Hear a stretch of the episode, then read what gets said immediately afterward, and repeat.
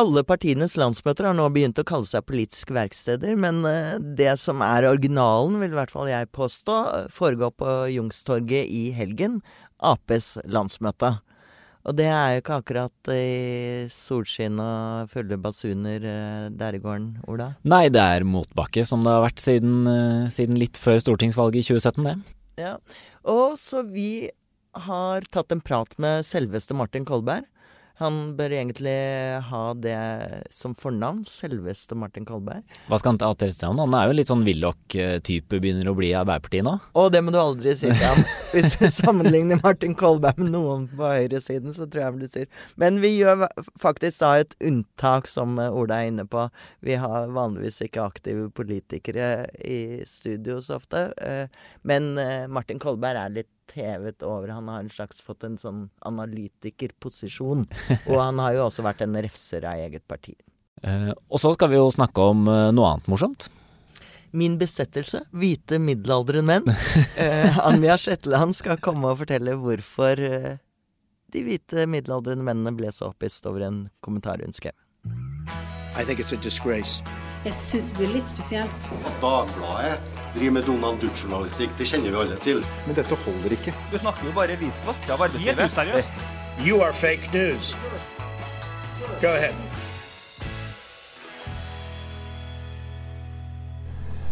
Jeg sitter her på kontoret til eh, Martin Kolberg, rett utenfor eh, kinosalen, hvor eh, Arbeiderpartiet fremdeles troner som Stortingets største parti.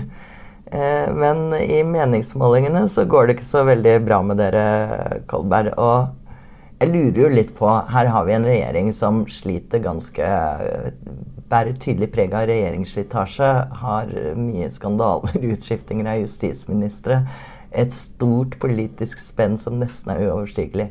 Og likevel så ligger dere godt nede på 20-tallet. Hva er det som skjer? Det er et uh, politisk uh, en veldig stor politisk utfordring for oss at uh, det har lykkes de borgerlige partiene å danne en flertallsregjering. Men roten til dette må vi tilbake til valget i 2017 for å se. For det var jo vårt nederlag i 2017 som skapte det politiske og parlamentariske grunnlaget for at Erna Solberg kunne danne denne flertallsregjeringen. Den har nok mye sprengkraft i seg, som du indikerer i ditt spørsmål. Men samtidig er det slik, tror jeg, at de kan kanskje være i stand til å etablere en konsensus seg imellom som vil kunne være med på å uh, gjøre dem til et uh, styringsdyktig alternativ. Og uh, presse vår autoritet på dette området, som det i gåseøynene kalles for et statsbærende parti.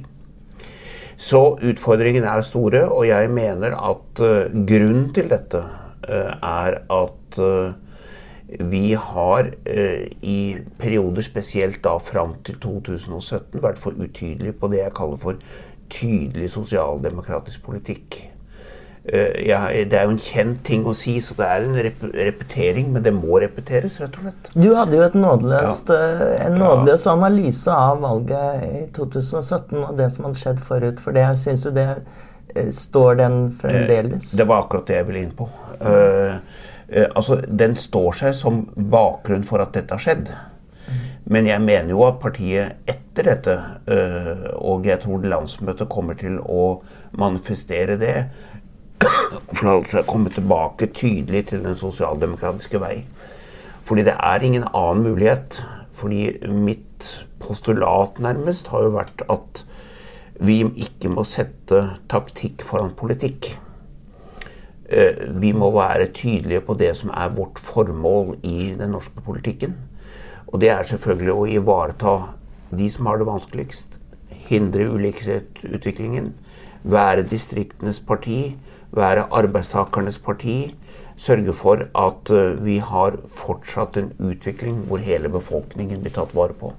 For du sa jo det berømte fagbevegelsen, fagbevegelsen, fagbevegelsen. Og du peker på at uh, noen av de velgerne dere har mistet mest, er jo nettopp de fagorganiserte. Ja, nettopp. Og det er jo en veldig alarmklokke. Det, jo, det kan jo ikke blinke mer når 100 000 LO-ledere forlater oss under valgkampen. Da kan du ikke blinke sterkere. Og eh, det mener jeg vi er på vei til å rette opp. Men det er fortsatt et stykke igjen, tydeligvis, fordi at oppslutningen det gjelder, ligger altfor lavt fortsatt. Og det er jo en hovedoppgave for oss å rette opp alt dette. Og jeg må si at det er litt altså, det, er noe, det finnes jo ikke noe rettferdighet i politikken, da.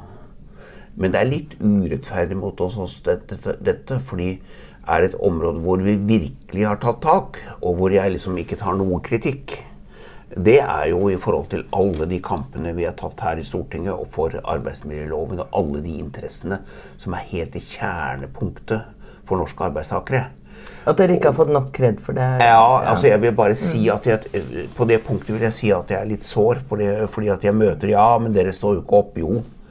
Altså Helt konsekvent har vi gjort det. altså i forbindelse med alle arbeidsmiljøsakene, i forbindelse med viktige skattespørsmål. Tenk bare på dette prinsipielle spørsmålet om, om, pensjon fra første krone. Som altså de borgerlige partiene stemmer ned i Stortinget. Men eh, jeg skal si deg det, Maria, at det er noe som virkelig skremmer meg litt utover dette. Det er at det ikke blir større oppmerksomhet rundt det. At ikke eh, flere i samfunnet At det ikke blir mye mer sinne.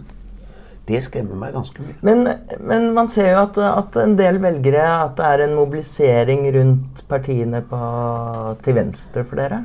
Jo. Er det, er det proteststemmene liksom Ja, altså Vi må tette venstresiden bedre enn vi har gjort. Jeg har jo alltid sagt uh, Ja, det høres litt breibeint og skrytete ut, men altså Når vi vant i 2005, var jo for at vi tettet venstresiden. Og, og avslutta denne vanvittige krigen med SV, som, er, som ikke er relevant for et sosialdemokrati. Det her, motstanderen er alltid til høyre, aldri til venstre. Men, men, men, nå går jo mange av velgerne deres til nettopp SV? Ja, og det er en utfordring for oss som vi er nødt til å ta tak i, som det heter. Og vi er nødt til gjennom dette landsmøtet å markere oss veldig tydelig som den samlende kraft på venstresida i norsk politikk. Det, det, unnskyld, jeg vil bare si det at man snakker om hva skal skje på landsmøtet. Jeg for min del vil sende den beskjeden at den viktigste oppgaven denne, dette landsmøtet har, er nettopp det å stå fram som den samlende kraft på venstresiden i norsk politikk. Det er det helt essensielle for oss. Samlet parti, kraftfull politikk som er tydelig sosialdemokratisk, og invitere hele venstresida i Norge til å samle seg rundt Arbeiderpartiet. Hvordan føles det at uh, deler av venstresiden sier de er bekymret for Arbeiderpartiet? Fordi mm. selvfølgelig det uh, Vi har et nytt valg om to år. Uh, hva Jeg skjønner veldig godt at de sier det. Mm. Det, altså, det, er, det, er, klart, for uten at vi er tilstrekkelig store, mm. så kommer ingen av dem i, i, til makten. Mm. makten til SV og Senterpartiet går gjennom Arbeiderpartiet. Så det er klart at de er bekymret for det, men det er også jeg, selvfølgelig. I den forstand at jeg skulle jo gjerne sett at vi hadde tydelig større oppslutning nå enn, enn hva vi har. Men jeg slutter meg der til hva Jonas Gahr Støre har sagt. Det er absolutt mulig å komme opp fra 6-7-28 til et resultat godt opp på 30 %-tallet, som vil være et godt kommunevalgsresultat. Det vil jeg gjerne ha sagt. Men dere har en annen uh, skarp konkurrent eh, for tiden, og det er Senterpartiet. Og jeg var på landsmøtet til Senterpartiet for et par uker siden, og da holdt jo Trygve Slagsvold Vedum en, en, eh, tale som gjorde sterkt inntrykk på mange, og som flere kommenterte etterpå at dette var en tale som man egentlig kunne hørt i Folkets hus, fordi den tok opp liksom klassesamfunn og, og klasseforskjeller igjen. Er det litt, eh, er det litt retorikken som mangler i, i Arbeiderpartiet også? Ja, men også realiteter. Og det er, jo, det er jo viktige eh, berøringspunkter mellom Senterpartiet og Arbeiderpartiet. Det har det også vært historisk. Selv om Senterpartiet jo i sitt historiske dimensjon ikke alltid har vært på dette, den siden. Da du vokste opp, var vel ikke nei, Senterpartiet akkurat et klasseperspektiv? Nei, definitivt ikke. ikke sant?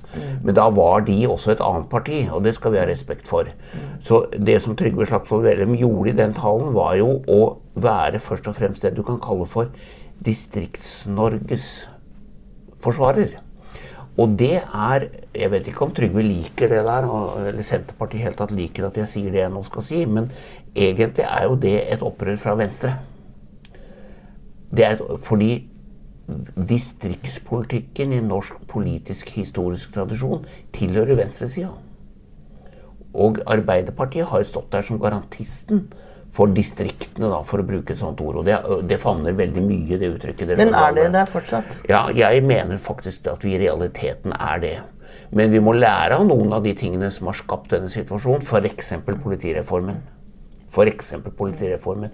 Fordi det som skjer når politiet øh, og Nav-kontoret og skattekontoret og passkontoret øh, og hva det nå måtte være, forlater lokalsamfunnet, så er det ikke bare de praktiske omstendighetene som de folk reagerer på, men de føler at de blir i, i, fratatt sin integritet, på en måte. Sin politiske og sosiale integritet. Og at Oslo, som det heter, ikke bryr, om, uh, bryr seg om det. Nå er det jo det å si at vi må modernisere samfunnet hele tiden. Jeg tror det er riktig å si det, at, jeg, jeg tror det er riktig å si at f.eks. denne voldsomme kampen som Senterpartiet hadde mot postkontorer Jeg tror ikke noen savner postkontorene i dag. Mm. For å bare ta det som et litt, litt spesielt eksempel. Da. Men allikevel så mener ikke jeg å kritisere den profilen som Trygve la opp til. Fordi jeg vil si at den er veldig verdifull sett fra et sosialdemokratisk ståsted. Men er det en utfordring for et sånn bredt parti som eh, dere er, i en, i en politisk debatt som ofte er polarisert, og som de som er fløyende gjerne belønnes, de som er ekstra tydelige belønnes? Eh, det er nok det, og det er noen ganger nå jeg, som kanskje lytterne her i hvert fall til en viss grad har fått med seg nettopp fylt 70 år og har vært med i mange år. Og det er jo det er to ting som er fundamentale nye ting i forhold til det som du kan kalle for Arbeiderpartiets store side. Som sosial, politiske, sosiologiske forutsetninger for en størrelse. Det ene er tempoet i utviklingen, som er kolossalt raskt, og som presser hele samfunnsstrukturen. Uh, og som skaper en, en, en, veldig raske forandringer i, i folks oppfatning av hva som er riktig og galt. Uh, det, er det, er jo, nytt. Og det andre er den materielle standarden vi har i Norge i dag. Uh, som til sammen bidrar til at folk kan enten lene seg litt tilbake, eller de kan gå ut til ensakspartier, som du er inne på i ditt spørsmål. Men jeg har sagt til partifeller mange ganger, senest nå til et flott møte vi hadde med Rogaland Arbeiderparti, i Stockholm faktisk. Eh, der eh, sa jeg Men Jeg løfta pekefingeren mot forsamlingen faktisk og sa men dere skal ikke kritisere folk for det.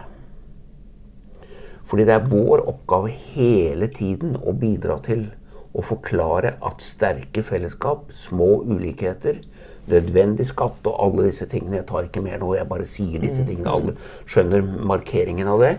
At det er forutsetningen for at denne utviklingen skal kunne fortsette.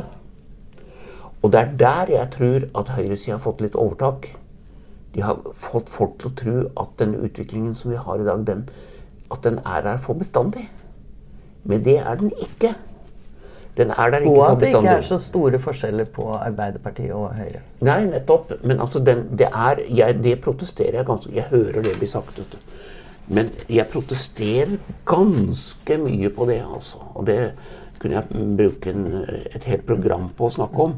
Men, men det er nødvendige likheter også fordi at vi er et stort parti som skal ta ansvaret også for staten. Og det fører til en masse kompromisser som det er eh, vanskelig å få kreditt for, da, som det heter. Men det går godt an å gjøre det fra et sosialdemokratisk ståsted. Og det er der, på dette punktet her, jeg mener at uh, dette landsmøtet og tiden fremover at vi må bli mye såkalt Jeg bruker det ordet for det blir brukt alltid tydeligere. Men tydeligere betyr ikke bare retorikk. Det betyr noe retorikk. Men det betyr tydeligere også, politikken. Ja, tydeligere politisk standpunkt.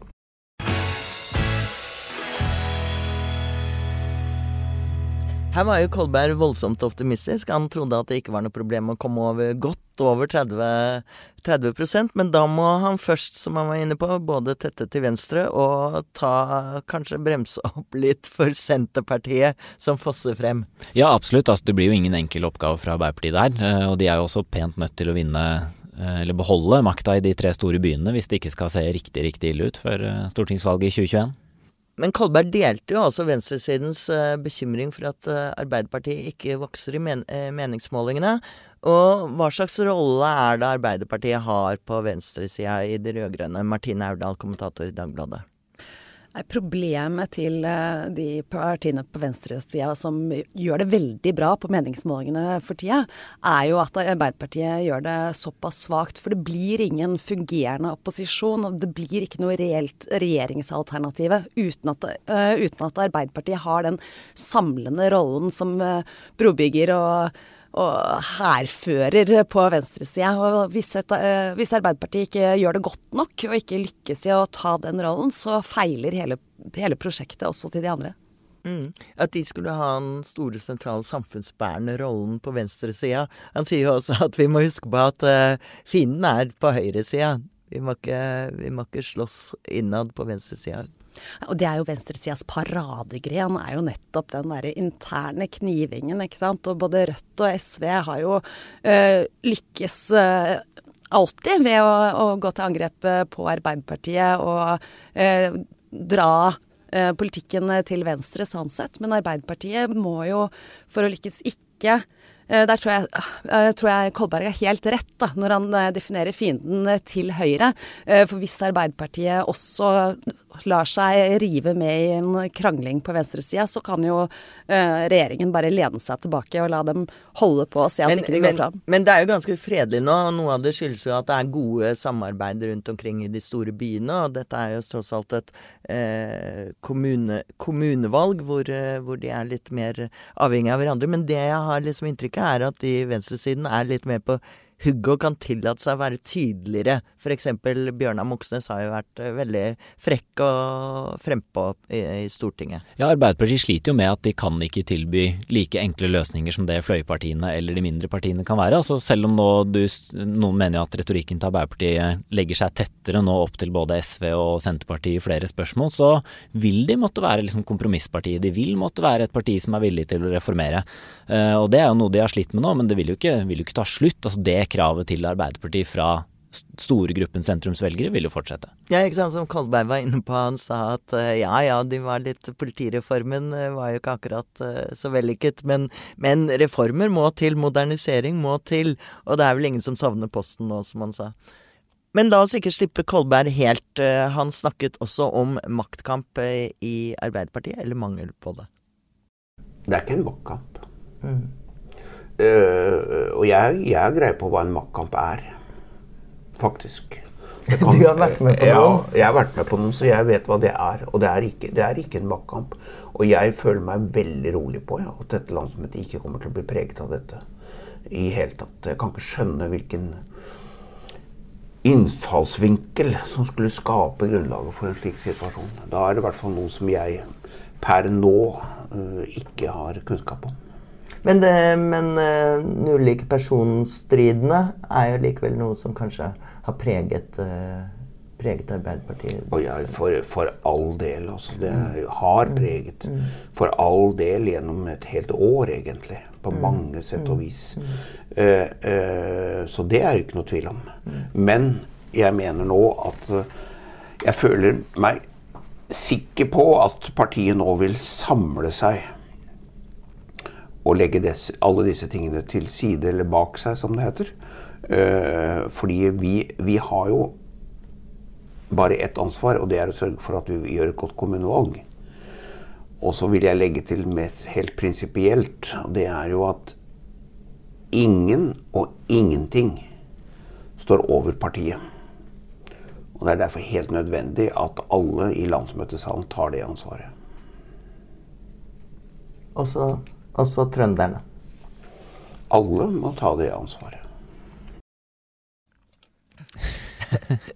Ingen står over partiene nei.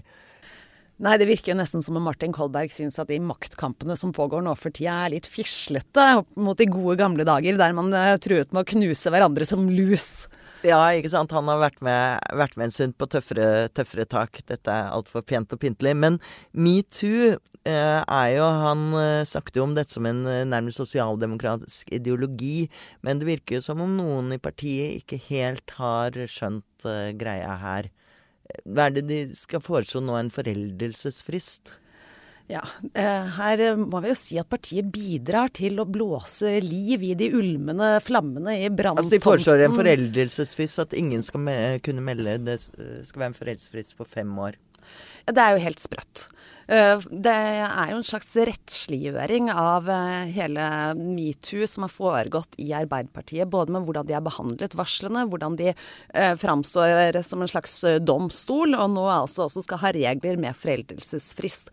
Som om eh, alvorlige eh, hendelser fem år tilbake i tid går over, og at man dermed er frikjent eh, for tap av tillit hvis det skulle komme fram f.eks. Eh, seks år etterpå. da. Det er det, ikke sant. Altså dette, hvis en slik sak dukker opp, så vil den jo måtte diskuteres. Og diskutere om det går utover tilliten og troverdigheten til vedkommende. Så det er ikke noe man kan sette foreldelsesfrist på tillit. Nei, altså det framstår rett og slett som om partiledelsen, og kanskje særlig partisekretæren, da, som jo er den som har frontet uh, denne saken utad uh, foreløpig, ikke forstår helt forskjellen på det som skal foregå i en rettssak og i et juridisk oppgjør, og det som politikken er helt avhengig av, nemlig tillit. Eh, og så må man jo vurdere selvfølgelig hver enkelt sak eh, hvilke konsekvenser det eventuelt skal få, og eh, hvor mye man skal gidde å grave i, i gamle saker av mindre størrelse. Men, men det er jo tilliten til personene de er avhengige av, og da kan de ikke sette en sånn regel. Og eh, Jonas Gahr Støre tok opp metoo også i landsmøtetalen, som når vi tar opp dette her, eh, vi akkurat har hørt på. Det er litt sånn delte meninger her i studio om hva han handlet om. Men man skulle jo tro at i hvert fall en del av temaene at han nærmest har snakket med vår mann Martin Kolberg før han skrev talen. Ja, altså hvis Kolberg er fagbevegelse, fagbevegelse, fagbevegelse, så var Støre i dag i hvert fall fellesskap, fellesskap, fellesskap. Og det virker jo som man omfavner store deler, i hvert fall måten Martin Kolberg omtaler sosialdemokrati og og politikken på. Og selvfølgelig også metoo-poenget til Støre var jo at nå er, det, nå er det vi, det er ikke et jeg lenger. Altså her må vi samles om, uh, både i, i, det store og i det lille i partiet, om at vi er et fellesskap, og det er ingen som står over det, samme om det er uh, maktkamp eller ei. Mens Trond Giske beveget seg rundt i landsmøtesalen med et kamera på slep. Ja, altså jeg, jeg, så han ikke fra der jeg satt. Det var det vel få som gjorde det helt bakerst på pressebenken da det skulle bli sagt. Men uh, han luska rundt, ja. Men disse ordene, altså fellesskap og solidaritet også, som Støre brukte gjennomgående gjennom denne talen, er jo helt grunnleggende for det budskapet han ønsker å formidle. Eh, og slike landsmøtetaler er jo fascinerende fordi de er så innmari viktige. De kan bidra til å løfte eh, et parti og eh, være med på å snu stemningen. Det var det samme Erna Solberg gjorde da hun var dømt nord og ned i 2009, men klarte å snu først retorikken og dermed inntrykket av seg selv gjennom Eh, eller, Er det kanskje sånn at de må heise seg litt opp etter årene. At det må stå noe virkelig hardt på spill. Men for ellers kunne de jo holdt glimrende taler hele tiden, og det gjør de beviselig ikke. Nei, men de gjør ikke det. Men når man klarer å, å skape entusiasme ved inngangen til et landsmøte, og du klarer å appellere til eh, grasrota i partiet gjennom det, så kan det være med på å sette stemningen gjennom først da hele landsmøtet, og dermed også eh, valgkampen som skal komme. Og det er jo den viktigste oppgaven Støre hadde i dag, og jeg syns han løste den godt. Ja, øh, og jeg tror du har rett i det. Sett fra et sånt landsmøtedelegatståsted, landsmøtedelegat-ståsted, uh, så tror jeg da han skapte entusiasme og folk klappa og var fornøyd og, og, i det hele tatt. Men jeg tror jo at talen, eller syns jeg da, at uh, talen viste et problem Arbeiderpartiet har fortsatt, og det var at det kom veldig lite nytt i talen. det var veldig lite ny politikk. Det var en sånn det var en tale som skulle samle nesten like mye som å stake ut en ny kurs, altså fellesskap. Det er ikke nytt fra Arbeiderpartiet, dette har de snakka om i, siden det ble etablert. Uh, Klima, er eh, klima, er viktig, men de skal ta stilling til Lofoten, Vesterålen. Ja, men det er jo akkurat det de trenger nå. Det er jo noe som kan samle dette partiet, som har ligget splittet i 18 leire siden eh, valgresultatet, og som har fått metoo som en mare oppå det. Det å samle og mobilisere landsmøtedelegatene, det var det som var Støres jobb men, i dag. Men dette kan være en helt avgjørende tale, kan det jo kanskje vise seg i ettertid. I hvert fall blir eh, dette valget avgjørende for Jonas Gahr Støre. Det er mange som sier at hvis han ikke får til dette her, hvis de store biene går glipp, så kan hans eh, tid være omme, rett og slett. At man mister troen på at han, han kan redde dette her. Men hva Så gjør de da? Problemet hva gjør de da? Ja. Altså, det står ingen i kø bak. Det, det må vi vel si. Hva er det, er det han Bjørnar som skal overta?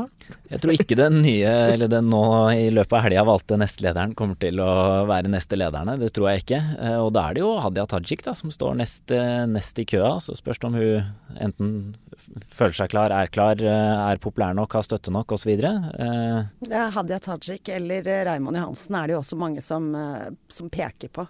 Fordi Raymond en gang var rørlegger i tre uker, så har han mye større kred. Ja, men det er jo noe av den kritikken som blir rettet mot Støre gjennomgående også.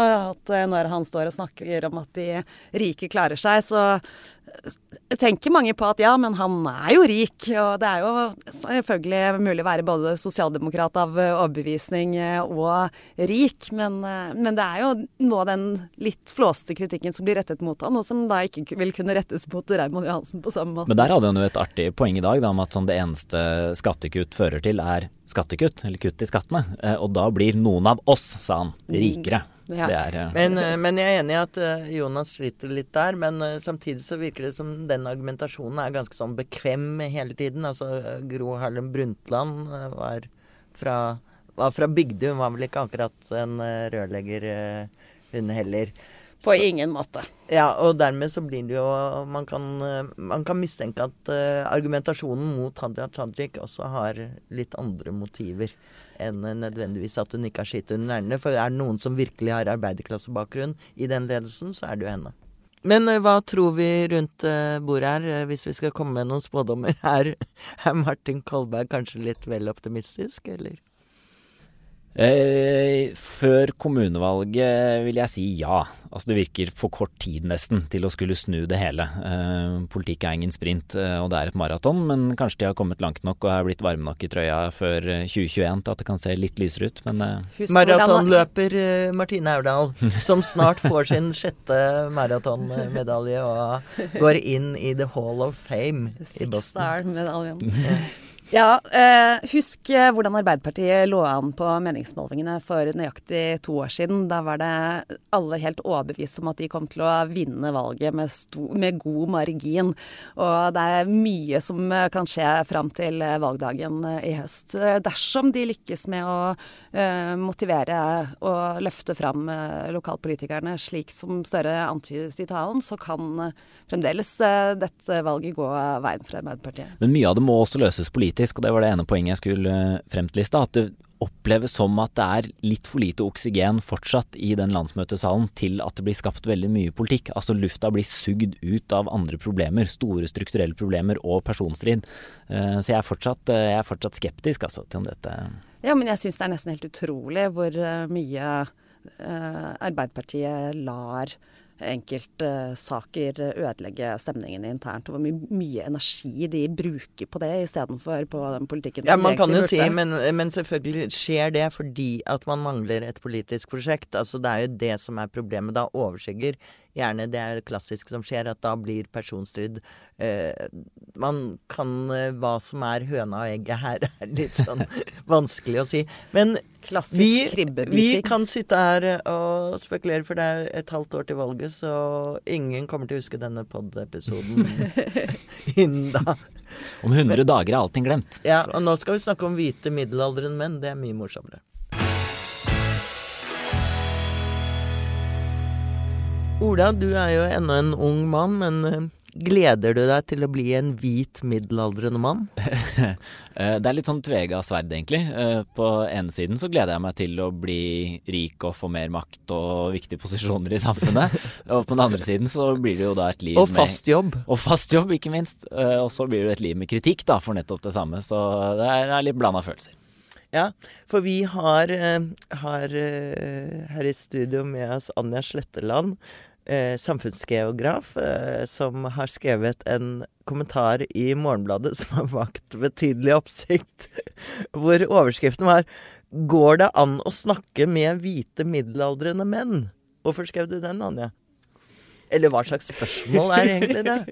ja, sant. Um, jeg har liksom hørt det begrepet hvite middelaldrende menn i, i, mange år, og egentlig aldri likt noe særlig.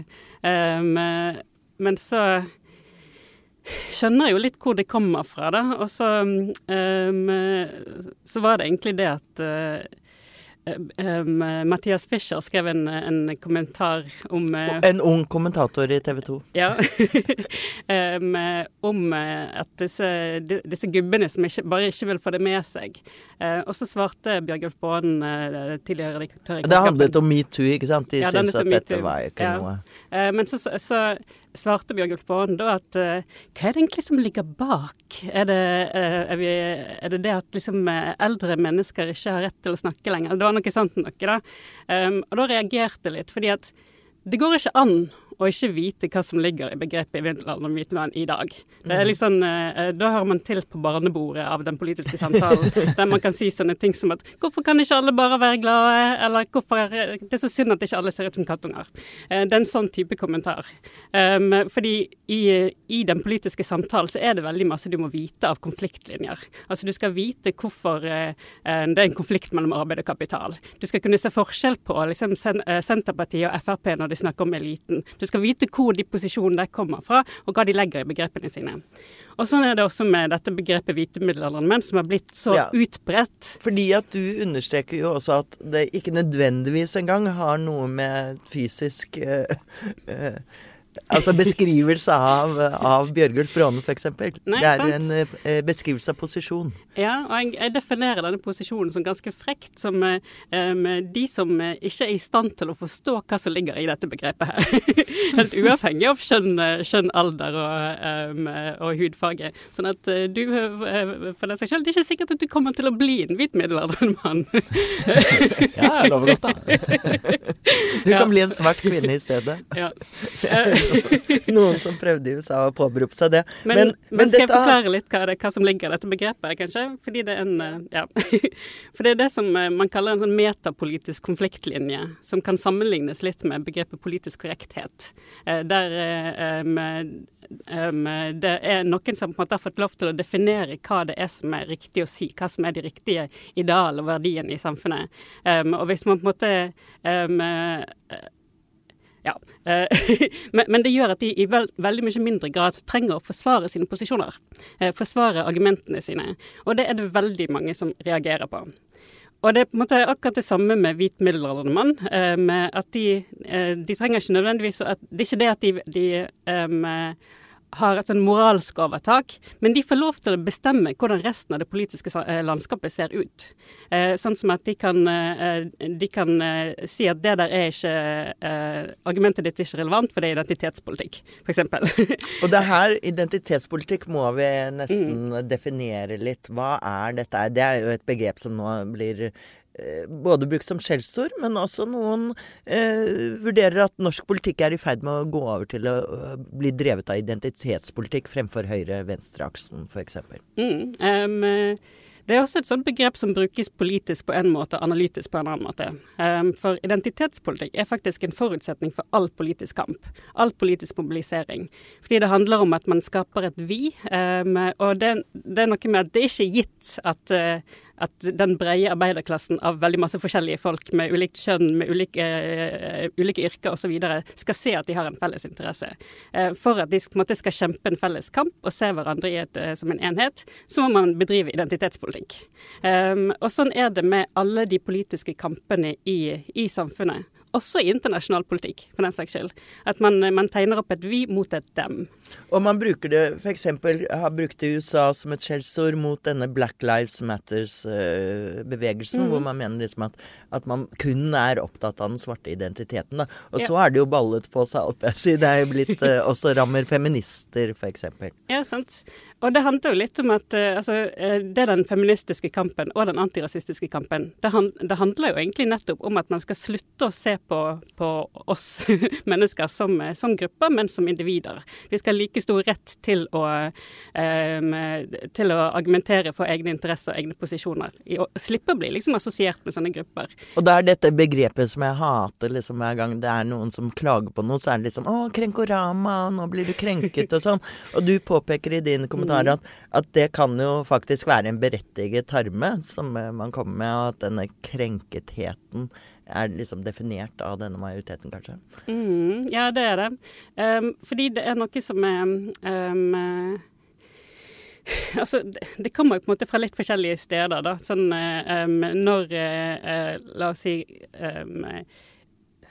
La oss si under, uh, under Bush-administrasjonen, da, f.eks., så var det veldig masse av det samme om, om uh, arabere som hele tiden ble, ble identifisert som, som, terrorister. Så de, de, utviklet en veldig sånn sterk motstand mot, mot, å bli passert i den kategorien. Um, som på en måte delegitimerer hele deres posisjon. Um, med Um, Dette har vi sett på Homeland, ikke sant? Ja. At arabere ble mistenkeliggjort. Ja, ja. Men, men, også det at når, når svarte mennesker ut, uttaler seg om klassepolitikk, så blir det sett på som identitetspolitikk. Eh, så det har på en måte fått en sånn, eh, en, sånn um, en politisk funksjon, da. At det er illegitimt å bedrive identitetspolitikk. Eh, men de som på en måte definerer hva som er disse identitetene, eh, det er jo på en måte de som sitter på definisjonsmakten i offentligheten, som får lov å liksom hvite, plassere Hvite middelaldrende menn. Og du sier uh, 'velkommen i klubben'. Ja, ja.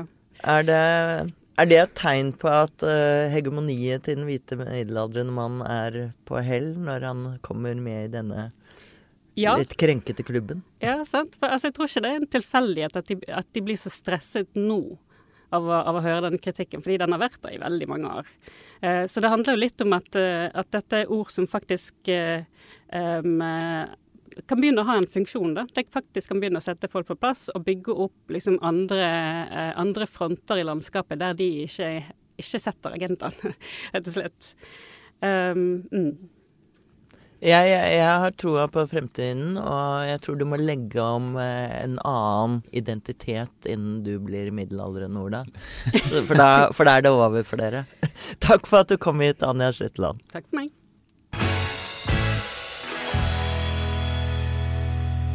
Takk for at du hørte på siste med Marie Simonsen, og ha en fortreffelig helg.